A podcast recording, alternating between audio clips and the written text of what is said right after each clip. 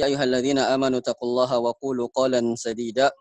يصلح لكم أعمالكم ويغفر لكم ذنوبكم.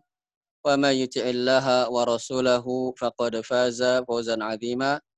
أما بعد فإن أصدق الحديث كتاب الله وخير الهدي هدي محمد صلى الله عليه وسلم وشر الأمور محدثاتها وكل محدثات بدعة وكل بدعة ضلالة وكل ضلالة في النار.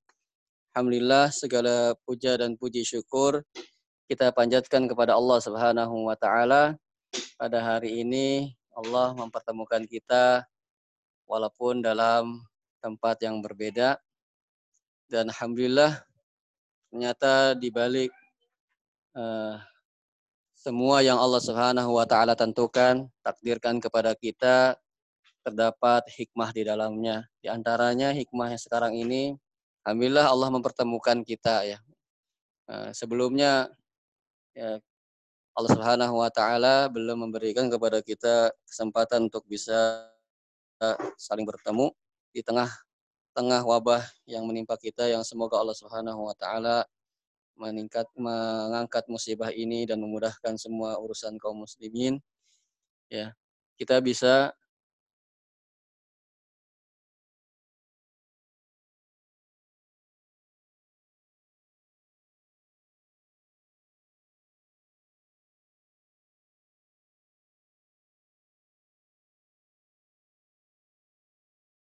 kebaikan-kebaikan yang mudah-mudahan Allah Subhanahu wa taala meridai kita dengan semua yang kita lakukan tersebut.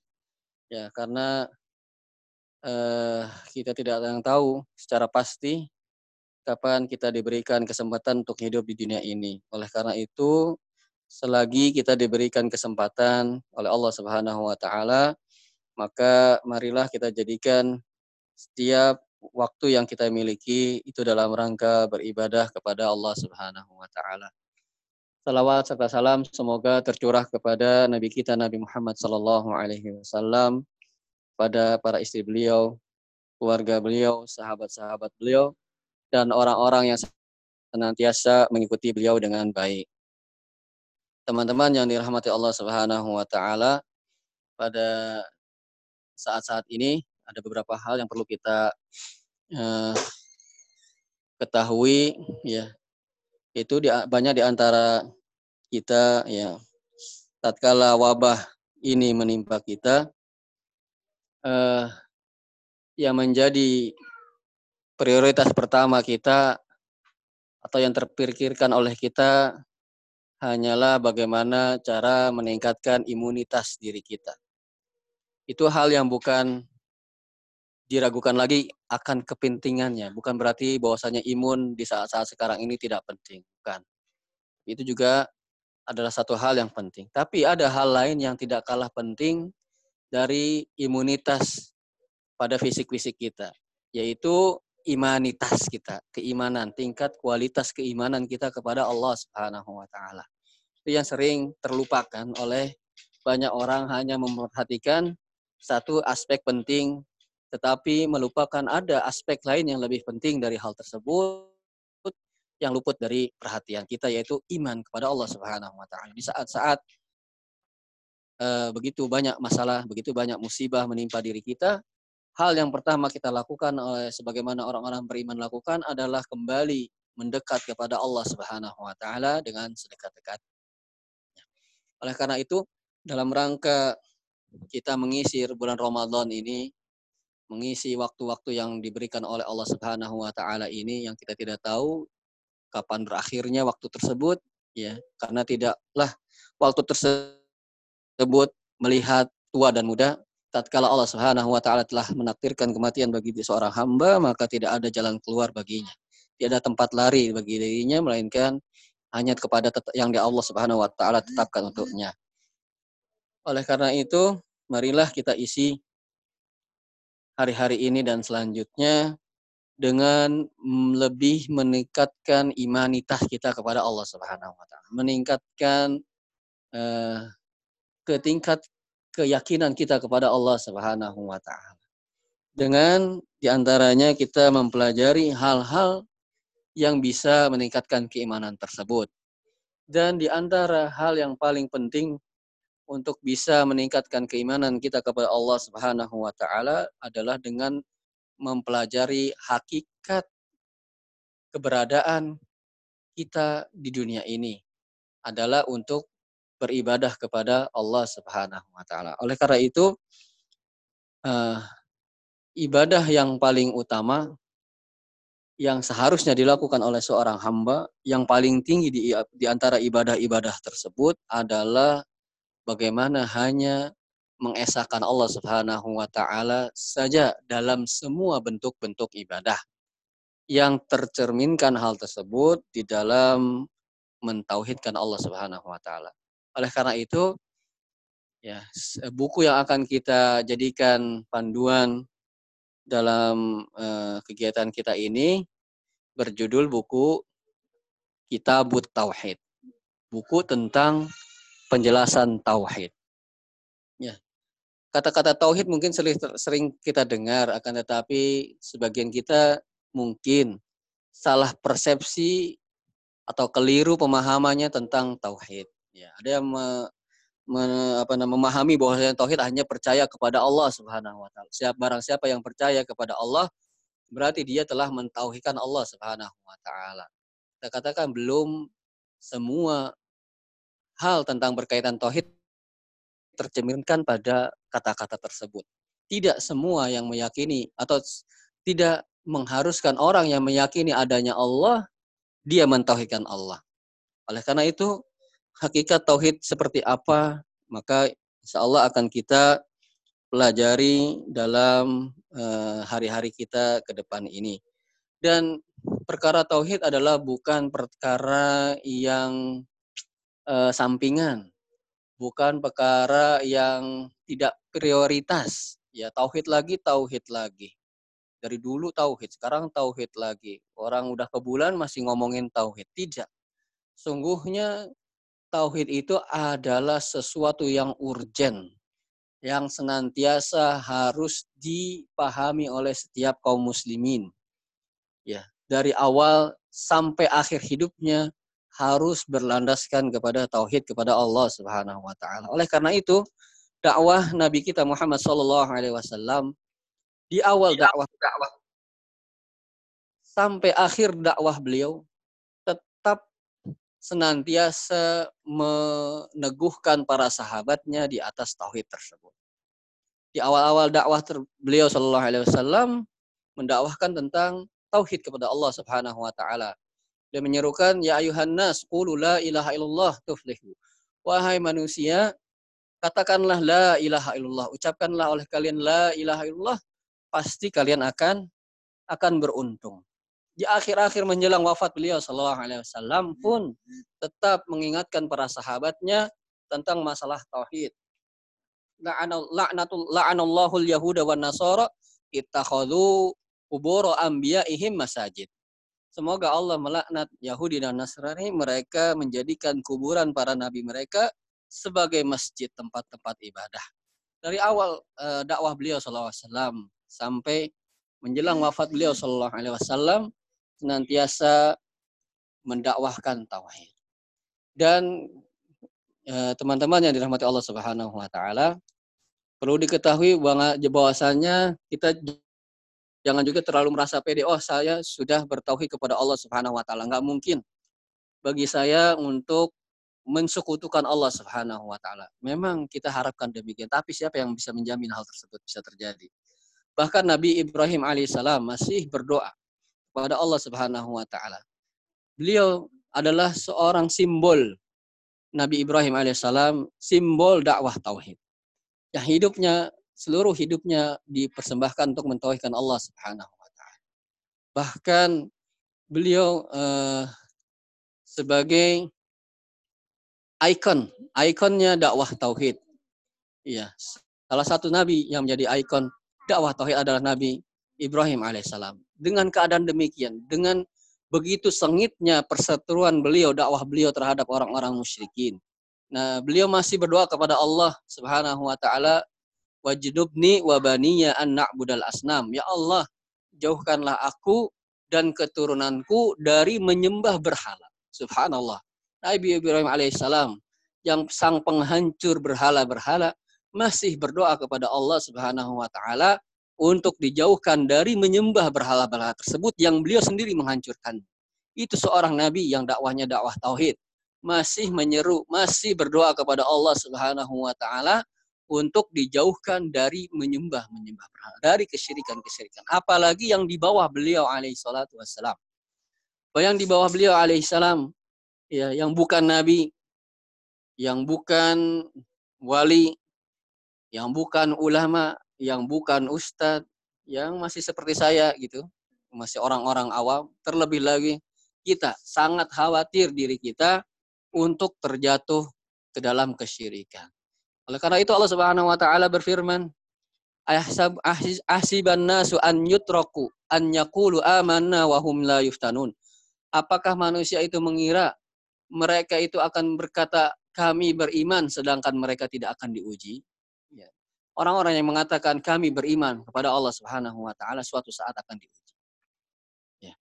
Mungkin kita sekarang ini masih dalam keadaan yang normal, yang yang ujian tidak begitu berat kepada kita, tapi pada suatu saat nanti Allah Subhanahu wa taala akan benar-benar menguji keimanan kita. Ya. Misalnya contohnya ya kita berlindung kepada Allah dari hal ini. Misalnya ada seorang yang sakit ditimpa musibah sakit yang keras, yang yang belum ditemukan obatnya, yang menyulitkan dirinya. Yang begitu sakit dirinya menghadapi ujian tersebut berdoalah dia kepada Allah Subhanahu wa taala. Terus menerus bertahun-tahun berdoa. Kemudian kebetulan Allah Subhanahu wa taala mengujinya. Dan Allah Subhanahu wa taala belum mengabulkan doanya. Orang tersebut mengatakan saya berdoa kepada Allah enggak dikabulkan. Apakah Allah itu ada? Kalau ada kenapa doa saya tidak dikabulkan? Itu ujian kepada orang tersebut. Suatu saat akan diuji kita. Ini orang-orang yang mengatakan beriman kepada Allah maka pada suatu saat pasti Allah Subhanahu wa taala akan menguji. Tatkala di depan kita ada kesyirikan, ya. Ya, apakah kita hmm, mampu mengingkari kesyirikan tersebut minimal dengan hatinya? Ya. Ataukah ketika kesyirikan itu merajalela di sekitar kita, di masyarakat kita, yang mungkin sebagian orang melebeli dengan label-label yang yang agar orang tidak takut terhadap hal tersebut ya. Dilabeli dengan kearifan lokal dilabeli kesirikan-kesirikan itu dengan tradisi dengan adat istiadat. Ketika hal itu ada di sekeliling kita apakah kita bisa? Apakah saat itu kita mampu untuk mengingkarinya? Atau bahkan naudzubillah kita terlarut dalam kesyirikan tersebut karena tidak enak dengan lingkungan kita. Suatu saat pasti Allah Subhanahu wa taala akan menguji hal tersebut. Oleh karena itu, untuk menguatkan kembali keimanan kita kepada Allah Subhanahu wa taala yang pada suatu saat nanti Allah Subhanahu wa taala akan menguji keimanan kita itu, maka kita bekali diri-diri kita ini dengan begitu dengan tauhid kepada Allah Subhanahu wa taala. Kita ulang-ulang materi tentang tauhid agar meresap ke dalam sul, apa ke dalam hati sanubari kita agar terus mengujam nancap di dalam hati-hati kita tentang permasalahan tauhid. Karena pada suatu saat nanti pasti Allah Subhanahu wa taala akan menguji kita apakah kita benar-benar beriman kepada Allah Subhanahu wa taala ataukah sebaliknya. Oleh karena itu, teman-teman yang dirahmati oleh Allah Subhanahu wa taala, kita akan mengulang-ulang kembali atau bagi teman-teman mungkin sudah lupa tentang pelajaran-pelajaran kita yang terdahulu atau belum mengikuti dari yang awal dan sebagainya, maka kita akan mengulang tentang materi kitabut tauhid ini. Ya, masalah tauhid ini kita belajar tauhid itu adalah tauhid dulu, tauhid lagi, tauhid terus. Terus diingatkan. Terus diingatkan ya, diulang-ulang sampai benar-benar masuk ke dalam lubuk hati sanubarinya yang paling dalam tentang permasalahan tauhid. Tatkala Allah menguji, Mudah-mudahan kita berlindung kepada Allah Subhanahu wa taala agar dikuatkan tatkala ujian itu ada datang kepada kita. Oleh karena itu terus penting orang-orang yang mempelajari tauhid saja belum tentu belum ada jaminan dia bisa tidak terjatuh kepada kesyirikan. Belum tentu apalagi orang-orang yang tidak mendalami tentang permasalahan-permasalahan tauhid. maka lebih riskan lagi mereka akan terjerumus kepada kesyirikan kepada Allah Subhanahu wa taala. Nauzubillah.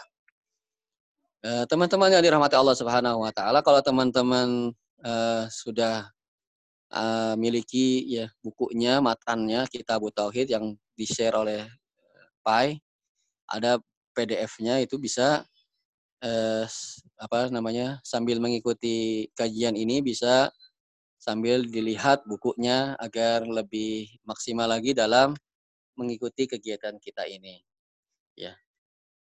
Uh, sebelum kita mulai masuk ke dalam pembahasan kita Bu Tauhid, maka uh, ada sedikit uh, cerita tentang seputar buku ini dan penulis buku tersebut yaitu kita Bu Tauhid adalah penulisnya Syekh Muhammad bin Abdul Wahab rahimahullahu taala. Ya Syekh Muhammad bin Abdul Wahab rahimahullahu at-Tamimi rahimahullahu taala.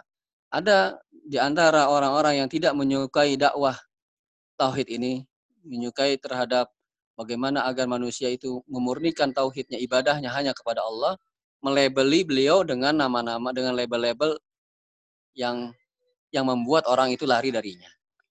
Ya, ada yang melebelinya dengan nama Wahabi. Ya. Syekh Muhammad Abdul Wahab itu Wahabi. Perlu diketahui bahwasanya antara Syekh Muhammad bin Abu Wahab dengan sebuah uh, apa ya namanya sebutan sebuah uh, apa namanya sebuah label-label tertentu itu maka hakikatnya jauh antara yang beliau dakwahkan terhadap di dalam agama ini di dalam masalah tauhid dengan yang disebut Wahabi. Wahabi adalah dulu sebelum apa namanya uh, ada kelompok ya Muhammad bin Rustum yang memang memiliki uh, ideologi atau memiliki akidah uh, khawarij yang mengkafirkan orang-orang yang melakukan dosa-dosa besar. Orang yang melakukan dosa besar maka dia keluar dari Islam. Nah, ini uh, sekte atau akidah atau ideologi orang-orang khawarij. Ya, dan ini sebetulnya yang dimaksud dengan Wahabi itu ke ya Muhammad bin Rustum itu. Bukan ke Syekh Muhammad bin Abdul Wahab rahimahullah taala. Tapi label-label ini disematkan kepada beliau dalam rangka membuat lari orang-orang yang mendengar dakwah beliau. Oh, Syekh Muhammad bin Wahab itu adalah seorang khawarij. Orang yang memiliki akidah khawarij yang mengkafirkan orang-orang yang melakukan dosa besar. Maka berbeda halnya perlu diketahui bagaimana akidah beliau rahimahullah taala yang sebagaimana nanti kita akan bacakan bagaimana uh, ideologi beliau, bagaimana pemahaman agama beliau, ya bagaimana uh, cara beliau memahami agama ini tidak ada bedanya dengan para ulama yang sebelum beliau uh, rahimahullah taala. Ya. Buku ini akan menjelaskan bagaimana akidah beliau, bagaimana tauhid beliau, bagaimana pemahaman beliau terhadap agama ini. Maka berbeda. Itu Syekh Muhammad bin Abdul Wahab rahimahullah taala yang alhamdulillah berkat dakwah beliau maka terbentuklah sampai sekarang yang dinamakan kerajaan Arab Saudi. Ya, kerajaan Arab Saudi itu alhamdulillah adalah karunia dari Allah Subhanahu wa taala kemudian terhasilkan dari dakwahnya Syekh Muhammad bin Abdul Wahab. Dan di sana alhamdulillah permasalahan tauhid itu tersebar luas. Ya, tauhid yang lurus yang dipahami oleh para sahabat Nabi Shallallahu alaihi wasallam di sana itu gamblang terang-terangan jelas nampak tidak menundukkan kepalanya dakwah tauhid di kerajaan uh, Saudi Arabia sekarang ini walaupun kita harus akui dengan banyak begitu banyak kekurangan yang dimiliki oleh oleh kerajaan tersebut. Ya, alhamdulillah tapi dakwah tauhid di sana dakwah yang diterima. Alhamdulillah dengan segala kekurangan yang terdapat dalam negara tersebut dan tokoh-tokohnya. Ya, karena tidak ada yang sempurna. Ya. Alhamdulillah dakwah di sana dakwah tauhid di sana berkibar. Tidak malu orang-orang yang mendakwahkan tauhid di sana untuk mengangkat kepala-kepala mereka. Tidak seperti di negara-negara lain yang dakwah tauhid tersebut ya ter apa tersingkirkan, termarginalkan, tertuduh dengan uh, label-label yang yang menjauhkan manusia darinya. Karena itu Syekh Muhammad bin Abdul Wahab ketika zaman beliau tersebar di daerah beliau itu, itu kesyirikan yang merajalela. Oleh karena itu beliau menulis sebuah buku untuk memberikan pemahaman yang benar kepada umat ini tentang tauhid yang benar kepada Allah Subhanahu wa taala. Bagaimana cara yang benar seorang mentauhidkan Allah Subhanahu wa taala. Jangan sampai orang yang nampaknya lahirnya itu ibadah pada hakikatnya dia sedang mensukutukan Allah Subhanahu Banyak ya. Acara-acara seremonial yang kesyirikan hakikatnya tapi dibungkus dengan bungkusan layaknya ibadah.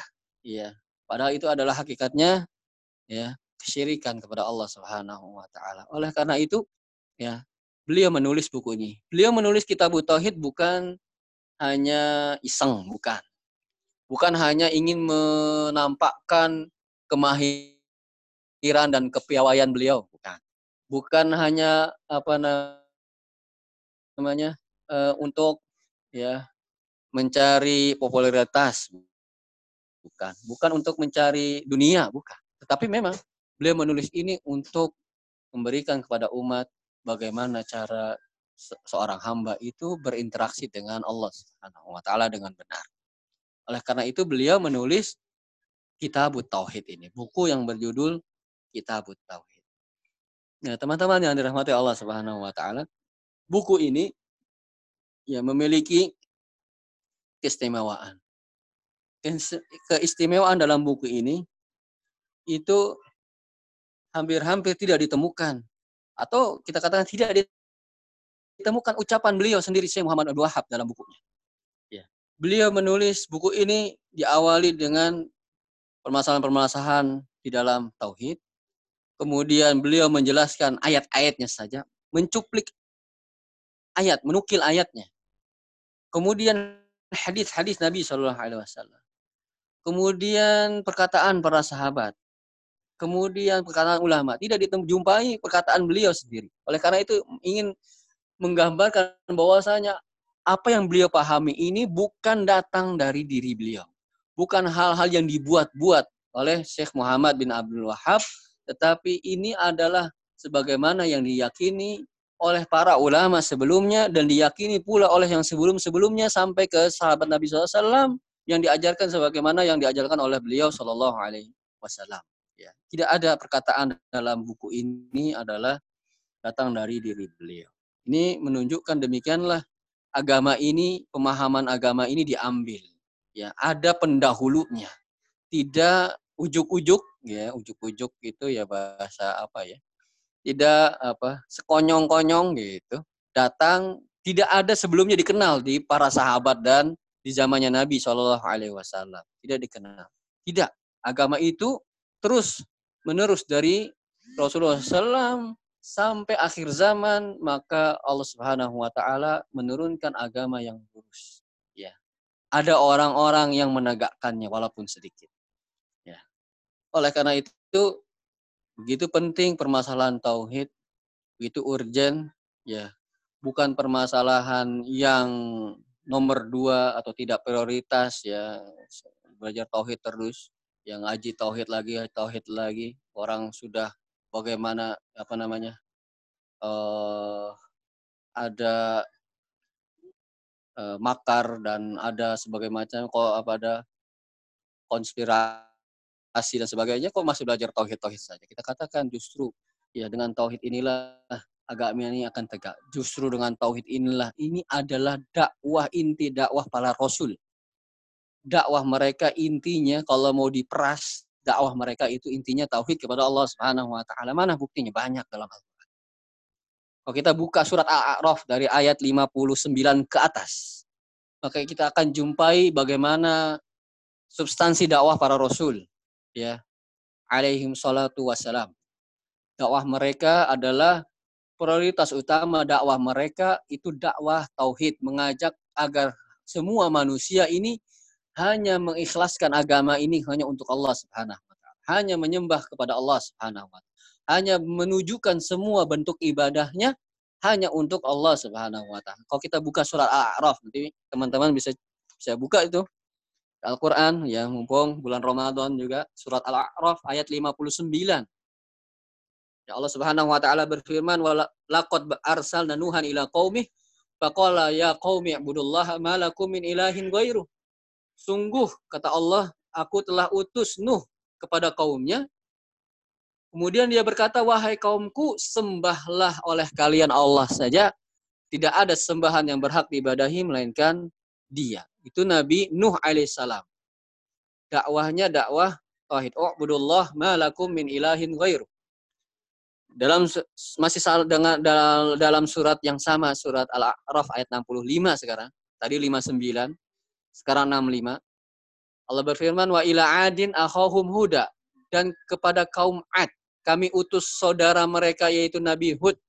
Qala ya qaumi ibudullah malakum min ilahin ghairu. Wahai kaumku, sembahlah oleh kalian Allah, tidak ada sembahan yang berhak diibadahi dengan benar melainkan Dia. Ya, itu Nabi Nuh, Nabi Hud. Ya, sekarang ayat 73-nya surat A'raf masih yang sama, surat yang sama ayat 73. Allah berfirman wa ila samuda akhahum salihah dan kepada kaum Samud kami utus saudara mereka yaitu Salih. Qala ya qaumi ibudullah malakum min ilahin ghair redaksi yang sama. Wahai kaumku, sembahlah oleh kalian Allah. Tidak ada sembahan yang berhak diibadahi dengan benar melainkan so, ayat 85-nya lagi. Ya wa ila madyan akhahum syuaiba. Qala ya qaumi ibudullah ma lakum min ilahin ghairu kepada kaum Madian kami utus saudara mereka Nabi Syuaib. Sama redaksinya. Ya qaumi ibudullah malakum min ilahin ghairu bahkan dalam surat yang lain surat An-Nahl ayat 36 Allah Subhanahu wa taala berfirman walaqad ba'atsna fi kulli ummatin rasula. Sungguh aku telah utus pada setiap umat itu rasul. Tugasnya apa? An ya'budullah wajtanibut tagut. Sembahlah Allah oleh kalian Allah dan jauhilah tagut, sembahan selain Allah. Dalam surat Al-Anbiya ayat 25 Allah berfirman, "Wa arsalna min qablika min rasulin. Dan tidaklah aku utus sebelum engkau wahai Nabi Muhammad dari seorang rasul pun illa nuhai ilaih.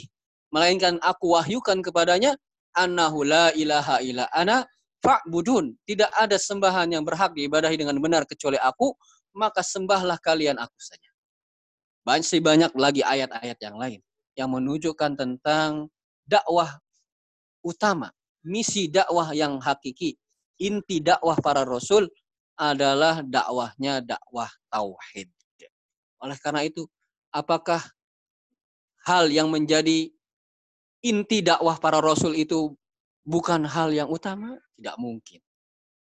Bukan hanya satu dua orang rasul yang ditugaskan oleh Allah Subhanahu wa taala untuk menyampaikan hal ini. Menyampaikan hakikat substansi dakwah beliau adalah dakwahnya adalah dakwah tauhid. Bukan satu orang, dua orang rasul semua rasul Allah Subhanahu wa taala utus untuk mengatakan hal ini. Oleh karena itu dakwah tauhid adalah dakwah yang sangat-sangat penting. Iya. Bukan hal yang sepele, bukan hal yang sampingan, tetapi dakwah yang utama. Dan kita bisa mengetahui standar benarnya sebuah dakwah. Barometer benarnya sebuah dakwah adalah ketika dakwah tersebut menitik beratkan tentang masalah tauhid. Berarti dakwah itu adalah dakwah yang benar.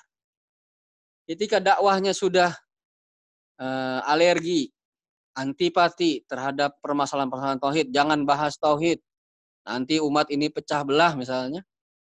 Ya, maka ketahuilah itu dakwahnya dakwah yang tidak benar.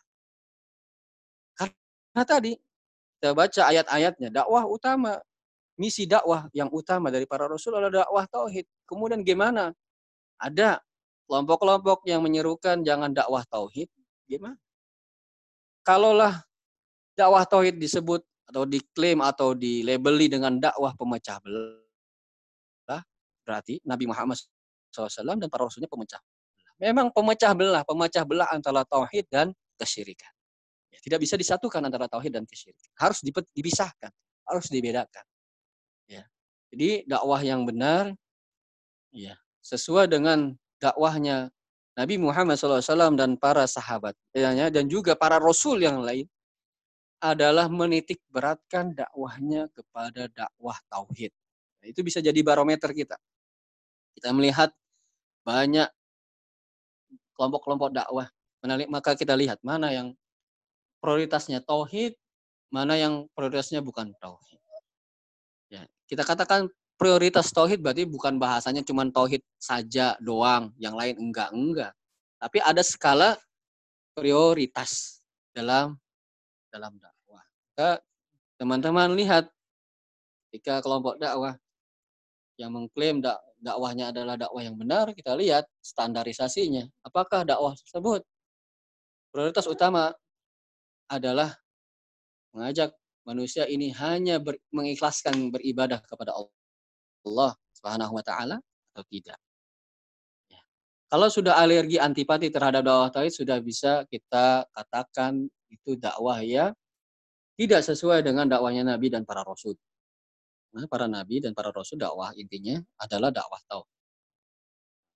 Baik, teman-teman yang dirahmati Allah Subhanahu wa taala, mari kita lanjutkan kepada uh, bukunya materi kita. Kita butuh tadi kita apa sekilas info tentang penulis buku dan apa namanya sekilas tentang bukunya. Jadi buku ini ditulis oleh Syekh Muhammad bin Abdul Wahab karena melihat realitas yang ada pada orang-orang yaitu e, mereka berbuat kesyirikan kepada Allah Subhanahu wa taala dan masih tetap e, up to date sampai sekarang ini tentang tema tentang uh, tauhid.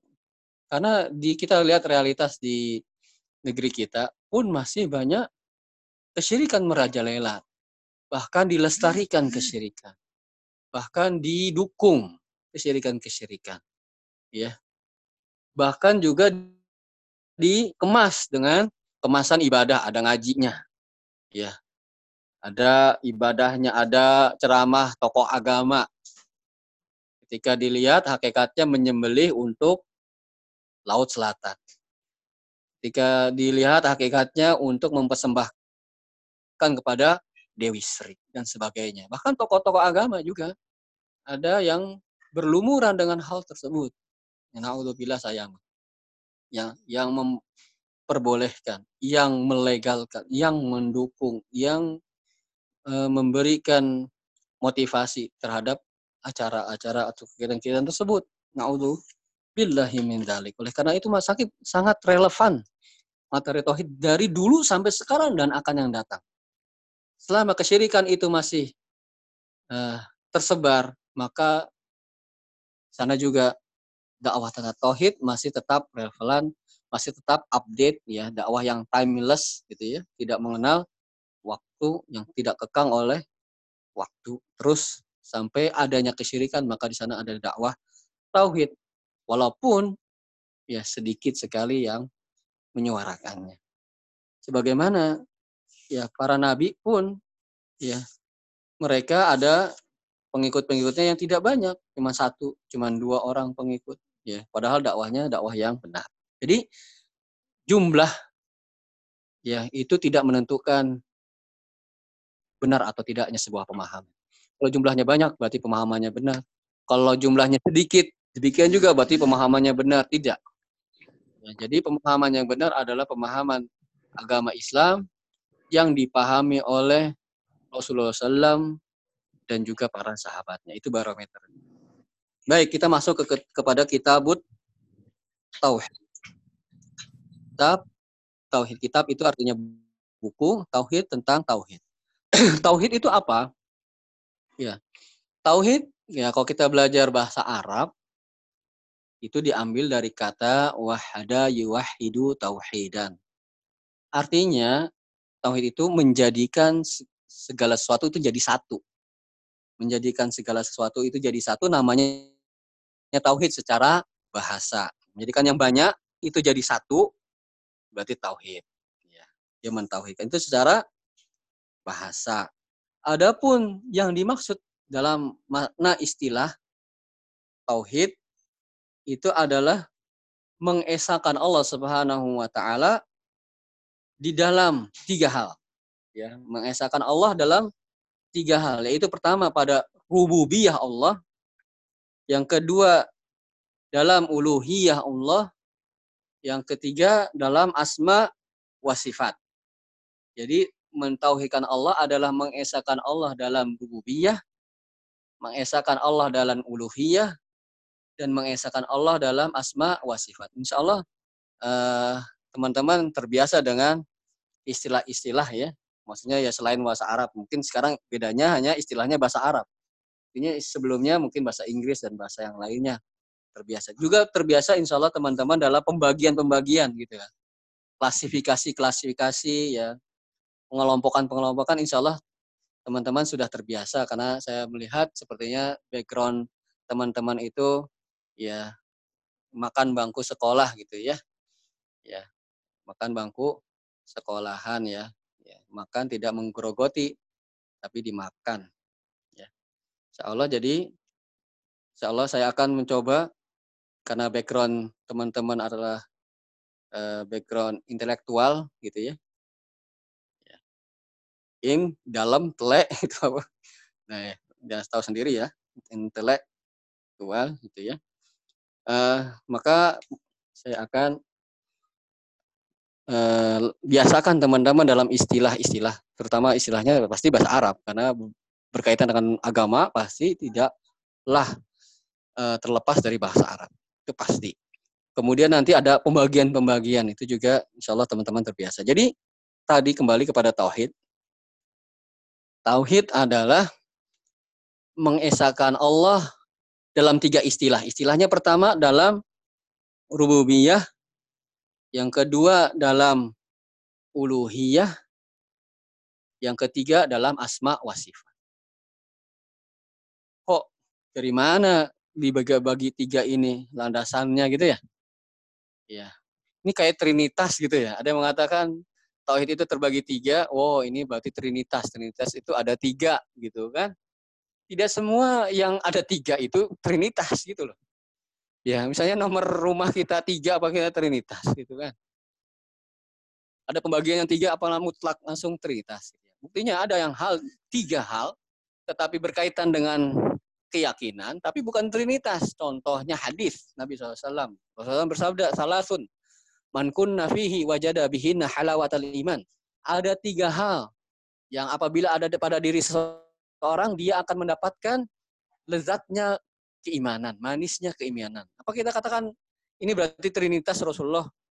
Ya, kok tiga tiga tiga gini Trinitas? Karena ada sebagian kaum muslimin yang gitu, yang ketika disampaikan tauhid itu ada tiga, waktu ini tauhidnya Trinitas ini hati-hati gitu ya. Ya kita katakan tidak setiap yang dibagi tiga itu Trinitas lihatlah esensinya dulu gitu kan. Ya berbeda jauh Trinitas dengan tauhid. Ya perbedaan yang sangat jauh sekali dia bisa disamakan. Tadi kita kembali lagi. Setiap kalau kita lihat ya ayat-ayat Al-Quran, kalau mau dikumpulkan hadis-hadis Nabi SAW yang berkaitan dengan bagaimana cara kita menyembah Allah itu ada tiga kelompok gini, ada tiga klasifikasi. Oleh karena itu para ulama ulama memudahkan kita untuk memahami klasifikasi tersebut. Gitu. Semua deh kalau mau rajin ngumpulin ayat-ayat yang berkaitan tentang tauhid, hadis-hadis yang berkaitan dengan tauhid, kalau mau dibuat simple agar bisa mudah dipelajari itu dibagi tiga. Yang pertama rububiyah, istilahnya yang kedua uluhiyah, yang ketiga istilahnya asma was sifat. Karena eh, apa sih yang istilah pertama tadi istilah pertama adalah ar-rububiyah gitu ya tauhid rububiyah. Tauhid rububiyah itu mudahnya mengesahkan Allah dalam semua perbuatan Allah Subhanahu wa taala. Ya, tauhid rububiyah adalah mengesahkan Allah dalam semua perbuatannya Allah Subhanahu wa taala. Perbuatannya Allah apa sih? Contohnya mencipta. Ketika orang seseorang meyakini tauhid rububiyah, maka dia meyakini yang Maha Pencipta. Satu-satunya zat yang bisa menciptakan hanya Allah Subhanahu wa taala, tidak ada yang lain. Nah, ketika dia memiliki pemahaman tersebut, maka berarti dia telah mentauhidkan Allah dalam rububiyah. Meyakini bahwasanya hanya Allah lah satu-satunya yang maha pencipta. Tidak ada selain Allah yang maha pencipta. Nah, itu berarti dia telah bertauhid dengan tauhid rububiyah. Ya, tauhid rububiyah. Kemudian contohnya mengesahkan Allah dalam semua perbuatan Allah, apalagi sih yang lain? Selain dari penciptaan, itu penguasaan. Allah lah yang menguasai segala sesuatu. Ya. Allah lah yang menguasai semua yang ada di langit dan bumi yang juga di antara keduanya itu yang menguasainya hanya Allah Subhanahu wa taala. Berfirman walillahi mulkus samawati wal ard. Hanya milik Allah lah kerajaan langit dan bumi. Semua yang ada di langit dan bumi dan di antara keduanya adalah milik Allah Subhanahu wa taala. Ya. Diri ini hanya milik Allah Subhanahu wa taala. ya. ya. Ya, jiwa kita hanya milik Allah Subhanahu wa taala. Nah, itu adalah mentauhidkan Allah dalam semua perbuatan Allah Subhanahu. Contoh lain, mentauhidkan Allah dalam rububiyah apa sih? Contohnya adalah kita meyakini yang mengatur segala urusan itu hanya Allah Subhanahu wa taala. Tidak ada di alam ini yang bisa mengatur urusan selain Allah Subhanahu Ya, mengatur urusan itu contohnya apa sih? Contohnya memberi rizki. Contohnya memberikan pendengaran dan penglihatan kepada manusia. Menghidupkan dan mematikan manusia. Iya. Menurunkan hujan. Semuanya itu hanya kehendak Allah Subhanahu wa taala. Allah berfirman, "Qul man yarzuqukum minas sama'i wal ard." Katakanlah kepada kaum Quraisy, siapakah yang memberi rizki kepada kalian dari langit dan bumi? Amma yamlikus sam'a wal absar? Siapakah yang menguasai semua pendengaran lagi penglihatan? Wa may yukhrijul hayya minal mait? Siapa yang mengeluarkan yang hidup dari yang mati? Wa yukhrijul mayyita minal hayy? Siapa yang mengeluarkan yang mati dari yang hidup? Wa mayudabbirul amr. Siapakah yang mengatur, mengatur segala urusan? Fasayukulun Allah. Maka mereka pasti mengatakan Allah. Fakul afala tattaqun. Kalau gitu kenapa kalian tidak takut kepada Allah Subhanahu wa taala?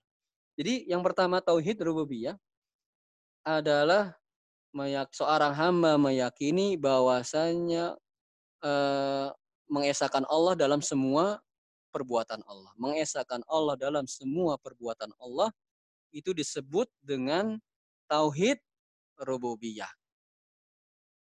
Kita katakan misalnya ada pertanyaan yang menciptakan itu kan hanya Allah, tapi ada orang yang bisa menciptakan sesuatu, ya, menciptakan penemuan tertentu. Kita katakan dia sebetulnya bukan menciptakan secara hakikat. Dia hanya mengubah sesuatu kepada sesuatu yang lain. Terbatas penciptaannya. Tapi Allah Subhanahu wa taala mampu menciptakan dari yang tidak ada jadi ada. Kalau orang hanya mungkin manusia atau makhluk menciptakan dari suatu bentuk kepada bentuk yang lain hanya merubah saja hakikatnya bukan mencipta. Tapi Allah Subhanahu wa taala menciptakan dari sesuatu yang tidak ada menjadi. Ya, kalau ada yang mungkin bertanya tadi mm, termasuk tauhid rububiyah yang mengakui bahwasanya Allah Subhanahu wa taala penguasa segala sesuatu. Kita katakan kok ada orang yang berkuasa menguasai gitu ya. Oh, diktator ada diktator, berkuasa, pemimpin ada berkuasa. Kita katakan kekuasaan mereka sangat terbatas. Mereka tidak bisa mengatur yang di luar kekuasaannya. Misalnya saya punya rumah, saya bisa mengatur hanya di rumah saya. Saya punya negara ya yang bisa diatur negara saya. Ya, ataupun negara lain bisa iya bisa enggak kan gitu. Ada yang mau, ada yang enggak. Tapi Allah Subhanahu wa taala ketika memiliki sesuatu tidak ada yang bisa lepas dari kendali Allah Subhanahu wa Tidak ada yang di luar kontrol Allah Subhanahu wa taala. Ketika Allah menginginkan sesuatu, tidak mungkin tidak pasti sesuatu itu terjadi. Ya. Kun fayakun. Gampang bagi Allah Subhanahu wa taala. Jadi kekuasaan makhluk itu terbatas. Demikian juga pengaturan makhluk itu terbatas, tidak seperti Allah Subhanahu. Itu namanya tauhid rububiyah ya, yaitu mengesahkan Allah dalam semua perbuatan Allah Subhanahu wa taala. Tapi yang perlu diingat bahwasanya tidaklah cukup hanya dengan modal tauhid rububiyah seorang bisa masuk ke dalam Islam. Ketika dia mengakui Allah Maha Pencipta, Allah Maha Pemberi rizki, Allah itu ada, Allah itu mengatur urusan. Ketika dia mengakui itu, belum tentu dia itu masuk Islam. Belum tentu. Ya, orang yang meyakini tauhid rububiyah disebut orang itu orang yang beriman. Belum, belum cukup. Mana buktinya banyak. Ya, jadi pengakuan adanya Allah itu belum cukup hanya dengan modal itu menjadikan seorang yang berkeyakinannya itu menjadi orang Islam. Belum. Aneh mungkin bagi kita. Masa orang ngakuin ada Allah bukan orang Islam? Bukannya orang yang kafir itu nggak mengakui Allah? Tidak modal tauhid rububiyah saja tidak cukup memasukkan seseorang ke dalam Islam sebelum dia memenuhi bentuk tauhid yang lain ya yaitu tauhid uluhiyah dan tauhid asma wa sifat belum pertama tauhid uluhiyah ya seorang itu hanya modalnya tauhid rububiyah saja tidak cukup memasukkan dia ke dalam Islam. Buktinya banyak. Buktinya banyak di dalam Al-Quran. Orang-orang musyrikin di zaman Nabi Shallallahu Alaihi Wasallam perlu kita ketahui bahwasanya mereka bukanlah tidak mengakui adanya Allah, bukan. Orang-orang musyrik di zaman Nabi SAW yang beliau perangi itu, yang beliau berjihad kepada orang-orang musyrikin itu bukanlah orang-orang yang tidak mengakui adanya Allah. Kaum musyrikin di zaman Nabi mengakui adanya Allah. Bahkan mereka pun beribadah kepada Allah. Nah, unik ya. Lalu kenapa?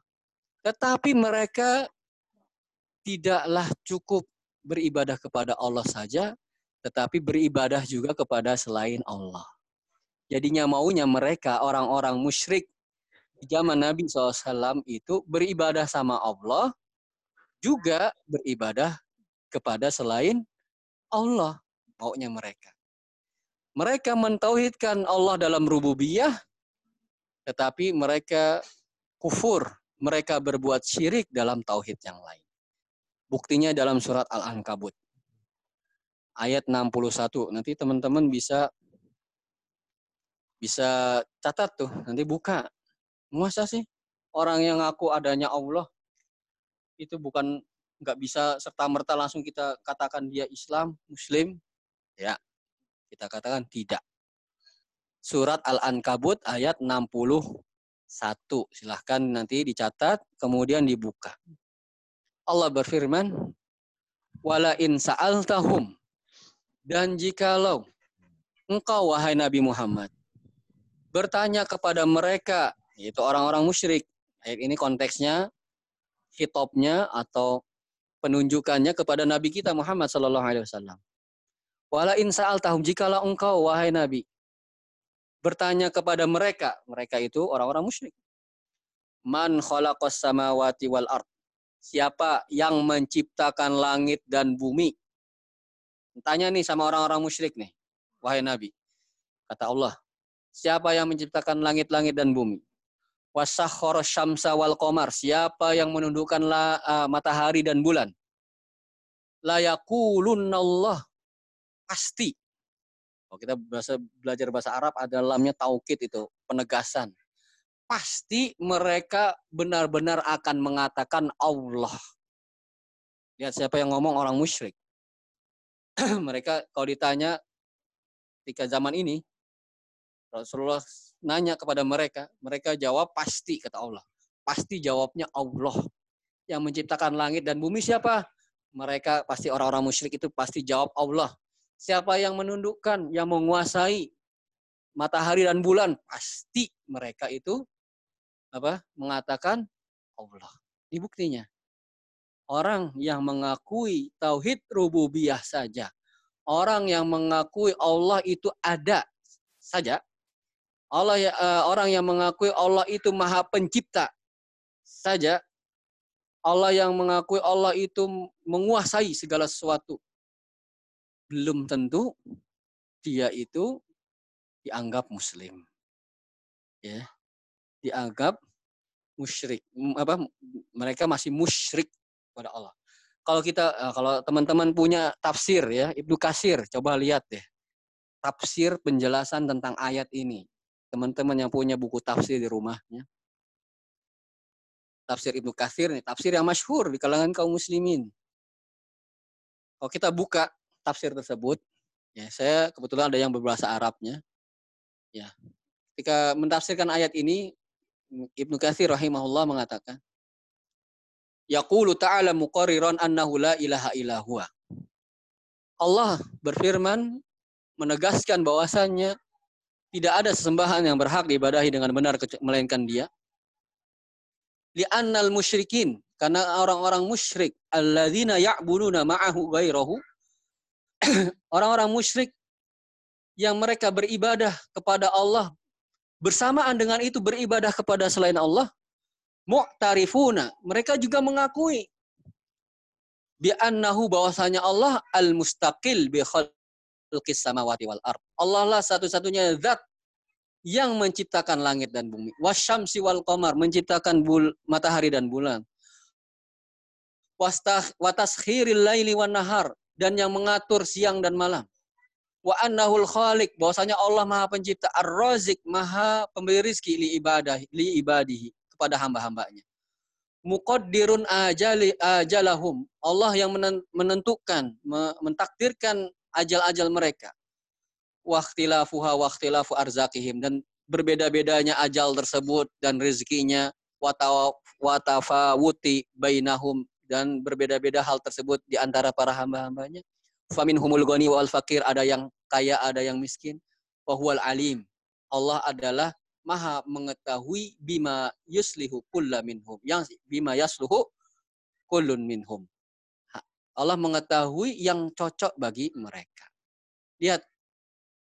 Kemudian kalau kita lanjutkan wa katsiron ma yuqarriru ta'ala maqamal ilahiyah bi i'tirafi tauhidir rububiyah. Bahwasanya di sini dalam tafsir ini mengatakan bahwasanya itu hal orang-orang musyrikin yang mereka beribadah kepada Allah Bersamaan dengan itu mereka juga beribadah kepada selain Allah. Itu hakikat kesyirikan di zaman Nabi SAW. Jadi kesyirikan di zaman Nabi bukanlah atau janganlah kita tergambar bahwasanya orang-orang musyrik tersebut tidak percaya sama sekali sama Allah. Orang-orang musyrik di zaman Nabi itu tidak beribadah kepada Allah. Tidak. Mereka percaya kepada Allah. Adanya Allah. Percaya Allah maha pencipta percaya Allah maha memberi rizki. Percaya, percaya, dan semuanya mereka percaya, bahkan mereka beribadah kepada Allah. Tapi bersamaan dengan itu juga mereka beribadah kepada berhala-berhala mereka. Yang beranggapan bahwasanya berhala itu bisa mendekatkan diri mereka dengan Allah Subhanahu wa taala dengan sedekat-dekatnya. Jadi berhala yang pada orang-orang musyrik itu mereka tidak memiliki keyakinan mereka nyembah berhalanya enggak. Mereka tahu kok itu ya, mereka yang buat. Tetapi apa? Berhala itu mereka jadikan, mereka ibadahi berhala itu, itu adalah simbol yang akan mendekatkan diri-diri mereka kepada Allah Subhanahu wa taala. Yang menjadikan perantara diri-diri mereka kepada Allah. Mereka ibadahi itu untuk mendekatkan diri mereka kepada Allah. Mereka berpikir, "Oh, siapa kami ini? Kami orang yang hina." Ini berhala-berhala ini adalah profil atau cerminan dari orang-orang soleh yang pernah ada pada kaum mereka atau kaum-kaum yang sebelum mereka. Mereka buat jadi patung. Awalnya tidak disembah. Kemudian lama-lama berganti generasi-generasi setan mulai membisikkan, akhirnya disembah. Orang-orang soleh yang diwujudkan dengan patung-patung tersebut. Ya, berkeyakinan bahwasanya hal itu akan mendekatkan diri mereka kepada Allah. Jadi hakikat kesyirikan di zaman Nabi SAW adalah beribadah kepada Allah dan beribadah kepada selain Allah. Apabila ada orang yang dia beribadah kepada Allah, sholat kepada Allah, zakat, haji, bahkan naik hajinya berkali-kali, ya, nggak terhingga mungkin. Tapi dia melakukan syirikan kepada selain Allah, maka ketahuilah tidak bermanfaat semua hal itu. Ya. Tidak bermanfaat semua ibadahnya. Pengakuan atau dia apa namanya nggak beribadah misalnya meyakini Allah Maha Pencipta, Maha Pemberi rezeki. Tapi ya kalau ibadah ya boleh sama Allah ya boleh sama yang lain sama siapa saja lah. Ibadah sama siapa aja ya ke Ratu Selatan boleh, ya ke Dewi Sri boleh. Ya, tapi jangan lupa juga sama Allah. Pada hakikatnya itu adalah kesyirikan. Gugur amalannya. Ya, lain asyrokta kata Allah la yahbatonna amaluk. Ini kepada Nabi. Wahai Nabi, seandainya engkau berbuat syirik, ya, maka akan gugur semua amalan-amalanmu. Itu berbahayanya kesyirikan.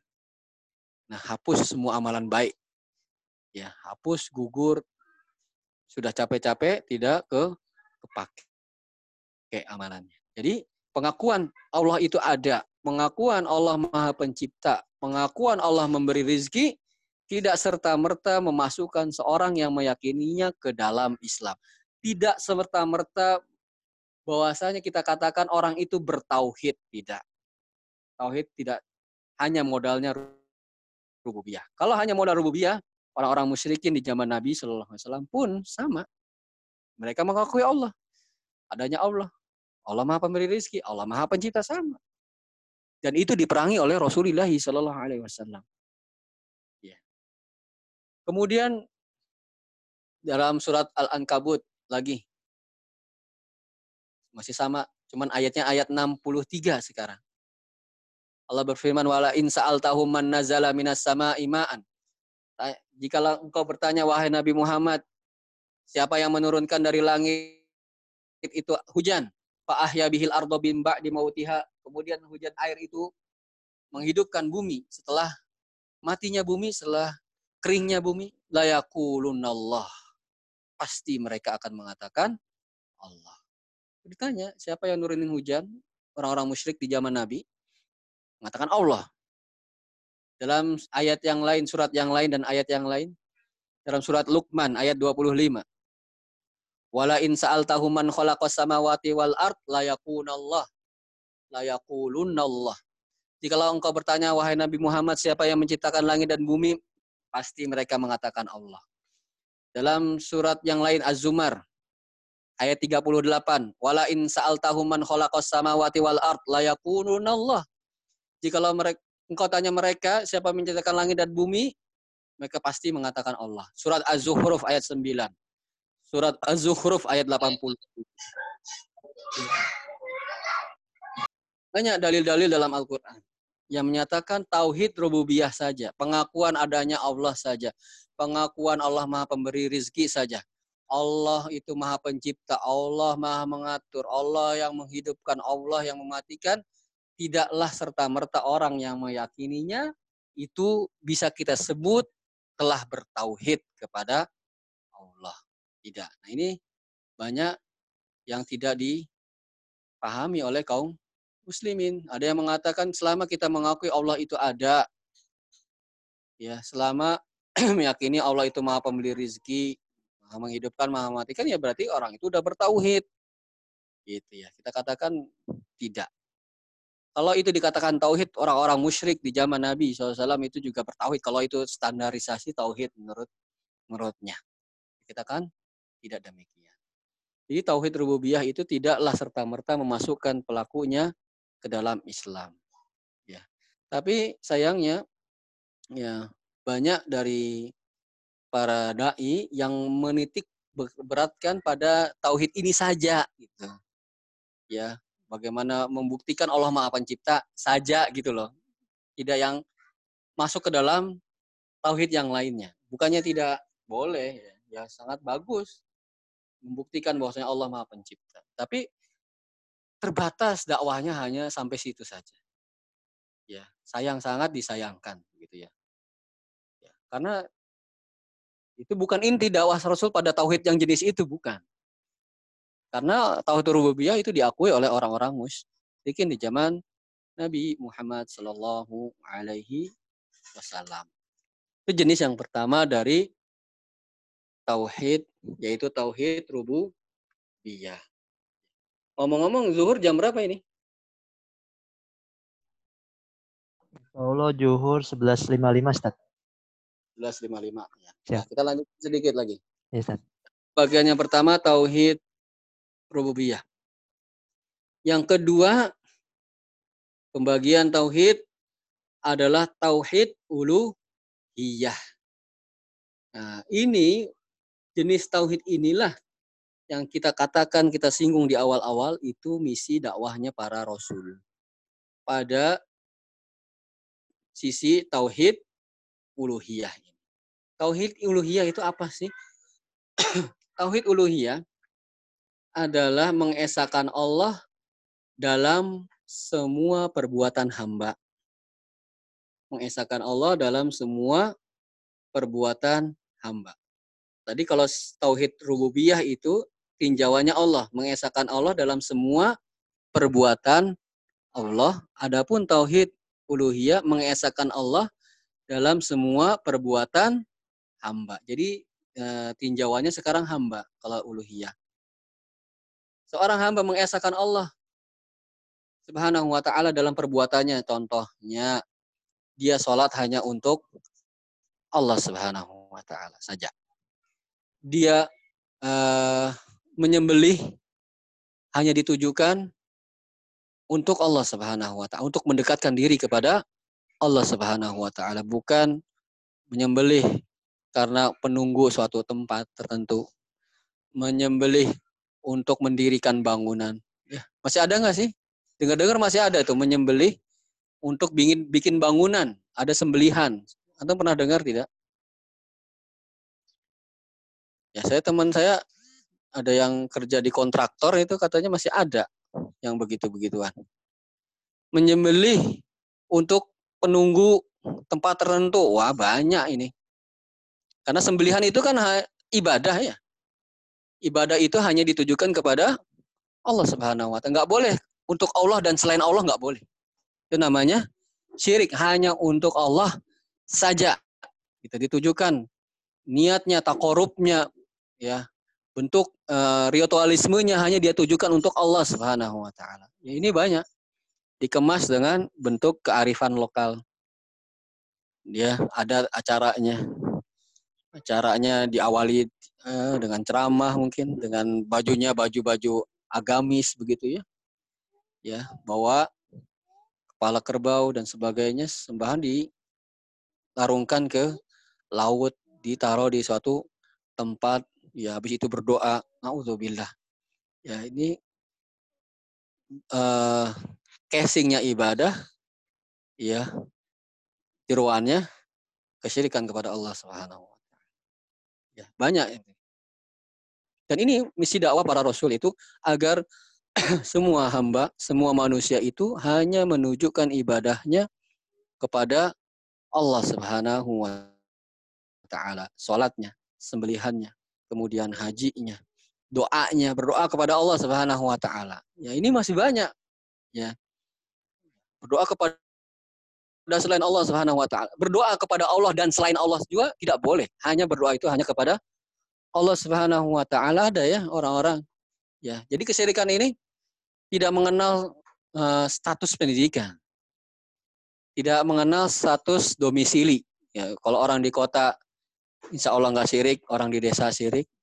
Orang titelnya atau gelar akademisnya atau bangku sekolahnya banyak tidak sirik. Orang yang tidak sekolah itu kemungkinan sirik, tidak. Sirikan itu tidak mengenal hal itu. Ya.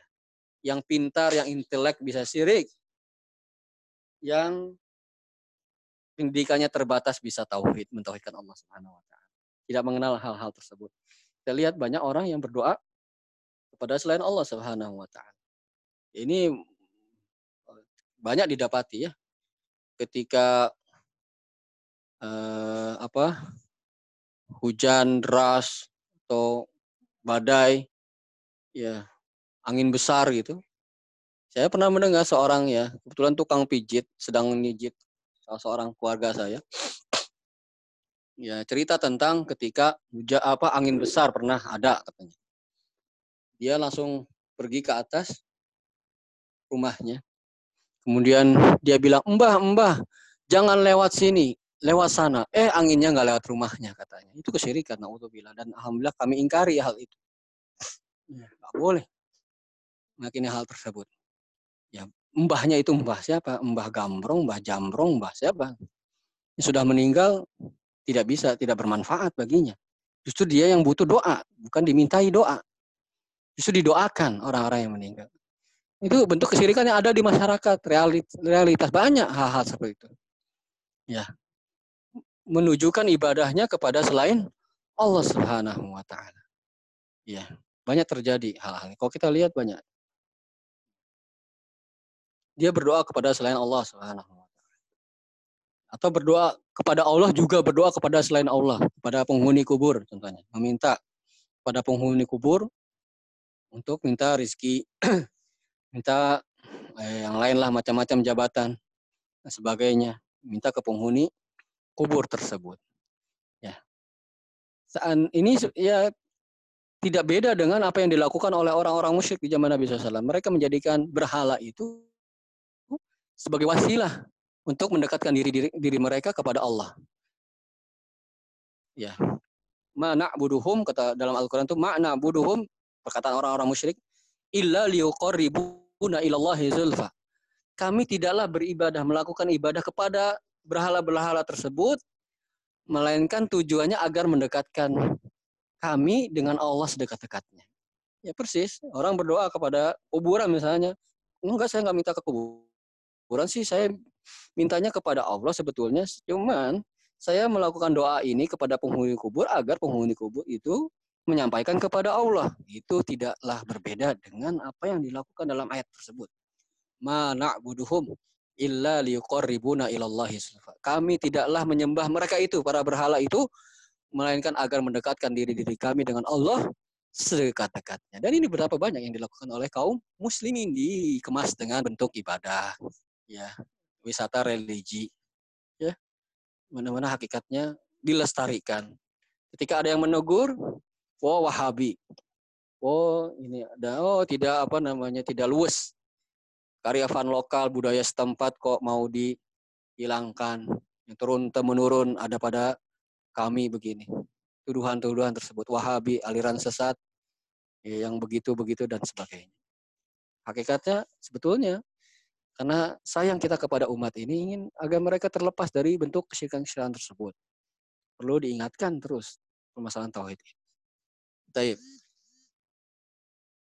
Uh, ini tauhid uluhiyah ya.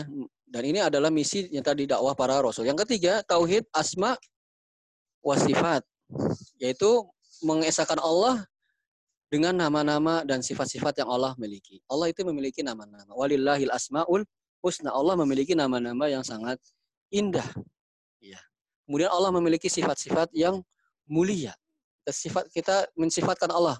Kita mentauhidkan Allah. Kita menetapkan apa yang Allah namakan untuk dirinya. Dan juga mensifatkan Allah sesuai dengan sifat yang Allah berikan pada dirinya ataupun yang Rasulullah SAW tetapkan. Ya, itu tentang asma wa sifat. Misalnya Allah Ar-Rahman, Ar-Rahim, Allah Maha Pengasih, Allah Maha Penyayang, Allah Maha Mendengar, Allah Maha Melihat, tapi berbeda mendengar semua sifat Allah itu berbeda dengan makhluknya. Allah Maha Mendengar tidaklah sama dengan mendengarnya kita. Pendengaran kita terbatas sekali. Allah melihat kita juga melihat tapi penglihatan Allah berbeda dengan makhluknya. Kita tetapkan semua yang apa yang Allah tetapkan dan Rasulnya tetapkan tentang nama-nama dan sifat-sifat yang Allah berikan. Nah, kitab kita ini, buku kita ini akan membahas fokus kepada tauhid uluhiyah. Ya.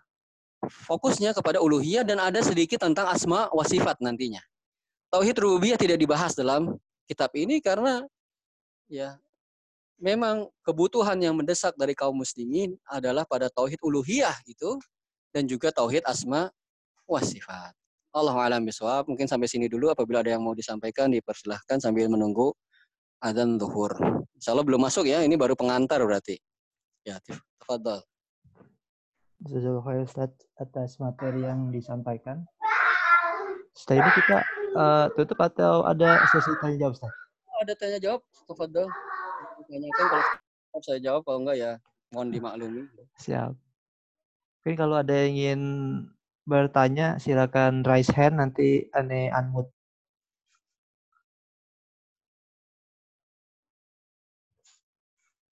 Ada menu raise hand di Zoom-nya itu.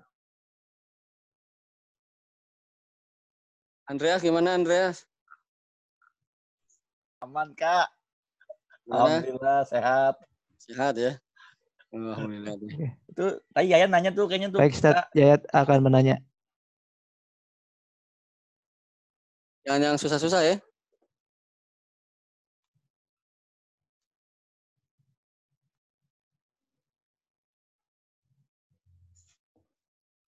Halo? Halo, Yan. Silakan, Yan.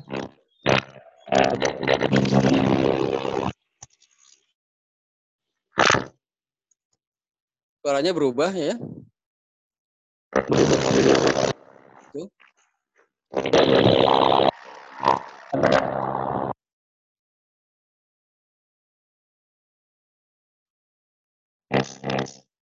Oh, kok suara berubah? Gak apa-apa.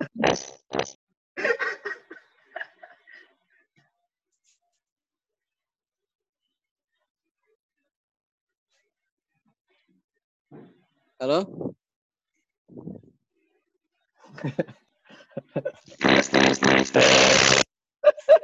Berarti kan insya Allah enggak kan ya. Insya Allah semuanya ini ya stay at home dan aman sentosa gitu ya. Nggak ada yang terindikasi apa gitu kan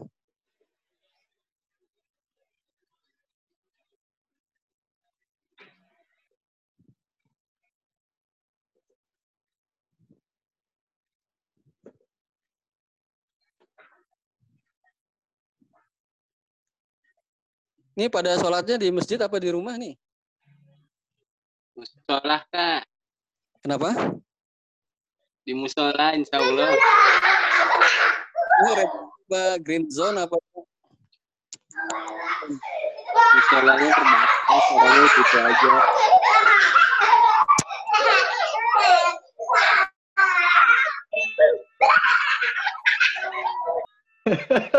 Ini Jagotabek semua apa luar Jagotabek ini? Ini ada. Ini pada di Jabodetabek. Ya, yang oh, Jabodetabek. Ya. Ya, Yayan sinyalnya nggak stabil, autobot. Oh. oh, Yayan suaranya itu dia. Sinyalnya nggak stabil ya. Ba bacain aja, Pak. Bacain, Pak. Oh, Yayan nanya nih, Ustaz. Bacain, bacain.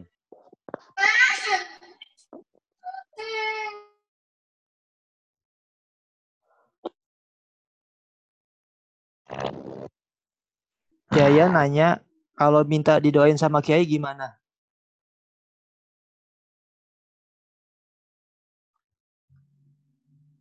Halo Ustaz. Minta doa apa? Minta didoain sama Kiai bagaimana? Oh, jadi uh, ada syarat-syarat kita boleh meminta kepada selain Allah itu. Ya, pertama dia hidup, hayun, Kemudian kedua kodir dia mampu. Ketiga dia bukan termasuk hal-hal yang khusus untuk Allah Subhanahu wa taala. Tiga ini dipenuhi maka boleh. Jadi boleh kita minta doa kepada orang-orang yang soleh yang kita anggap dia itu soleh, boleh. Bagaimana banyak sahabat meminta doa ke, kepada Rasulullah, tapi syaratnya dia masih hidup, tidak tidak sudah matinya. Kalau kiainya sudah meninggal nggak boleh. Ya, Pak Ustadznya sudah meninggal nggak boleh. Harus hidup. Ya. Kemudian kodir, dia mampu. Ya, mampu untuk mendoakan hal tersebut. Misalnya minta rezeki dong, ya ya, ya didoakan, tapi kayaknya juga lagi susah gitu ya. Ya doain saya juga lah rezeki saya ini misalnya gitu kan. Kemudian yang ketiga bukan termasuk khususan Allah Subhanahu wa taala. Misalnya doakan agar eh, menghidupkan yang mati, mematikan yang hidup, ya, hal-hal yang khusus Allah maka nggak boleh. Jadi intinya meminta doa kepada selain Allah atau meminta doa kepada selain Allah itu ada syaratnya yaitu dia hidup. Ya, berdoa minta didoakan gitu ya. Dia hidup. Kemudian doanya bukan hal-hal yang maksiat atau bukan hal-hal yang kekhususan Allah Subhanahu wa taala, maka boleh. Boleh. Jawabannya boleh selama masih hidup. Baik, jaga Allah Ustaz. Masih menerima satu pertanyaan lagi Ustaz? Boleh, boleh. Ini satu lagi ditanyakan dari Al-Fatwa. Apakah ketakutan terhadap wabah corona mempengaruhi ketahuan kepada Allah? Takutnya. Nanti kita bahas tuh ada bab tentang di dalam kitab ini tentang takut, tak apa takut. Takut itu terbagi, ada takut yang bentuknya syirik, ada takut yang bentuknya manusiawi itu alami. Nah, takut terhadap corona itu termasuk takut yang tobi'i, yang manusiawi. Dan itu pun dialami oleh banyak orang sampai-sampai Nabi takut maksudnya bukan corona ya, takut yang yang manusiawi tersebut. Iya. Nabi Musa pernah takut tatkala membunuh uh, seorang dari Bani Israel. Ya. Yatarokop dalam Al-Quran itu fil madinati yatakorokop. Dia di dalam kota itu merasa ketakutan karena Bani Israel itu nanti ya gengnya satu geng dengan Fir'aun kan gitu ya. Nah, jadi itu takut-takut yang manusiawi yang diperbolehkan. Takut sama anjing boleh. Takut sama binatang buas itu takut yang diperbolehkan. Jadi jangan eh jangan takut corona musyrik enggak. Ya, jangan takut corona musyrik. Ya, takutnya sama Allah saja itu salah itu. Ya. Itu takut yang diperbolehkan. Kalau ada orang mengatakan gitu ya udah ya masukin aja kandang macan kira-kira dia jangan takut sama macan bisa nggak ngomong gitu? Gitu ya. Takutnya sama Allah kan nggak mungkin dia bilang. Itu takut yang alami manusiawi itu boleh. Nanti tak, ada takut yang nggak boleh. Nah gimana takut yang nggak boleh? Nah, saksikan insya Allah dalam pertemuan pertemuan-pertemuan selanjutnya. Itu dalam masalah bab tentang takut. Jadi ada takut yang boleh ada takut yang tidak diperbolehkan Takut corona itu takut yang boleh, yang manusiawi. Gitu. Allah alam. Tapi Ustaz, jazakallah khairan kasiran. Di tempat ini juga sudah azan alhamdulillah. Oh iya. Ya insya Allah mudah-mudahan manfaat ya. ya Ustaz. Kita tutup uh, kajian perdana kita hari ini. Insya Allah nanti akan dilanjutkan minggu depan di hari yang sama dan channel yang sama. Insya Allah jika diberi kesehatan dan kesempatan. Amin. Amin, insya Allah. Barakallahu fikum. Ini aneh unmute semuanya Ustaz ya biar nanti kita bisa berpamitan. Oke. Okay. Oke okay, teman-teman semua, ikhwas sekalian, kita tutup pertemuan kita kali ini dengan mengucapkan doa. Alhamdulillah banyak keseruan terhadap teman-teman semua yang sudah berkenan online. Kita ketemu minggu depan. Assalamualaikum ya. warahmatullahi wabarakatuh. Waalaikumsalam warahmatullahi wabarakatuh. Parah nih mau.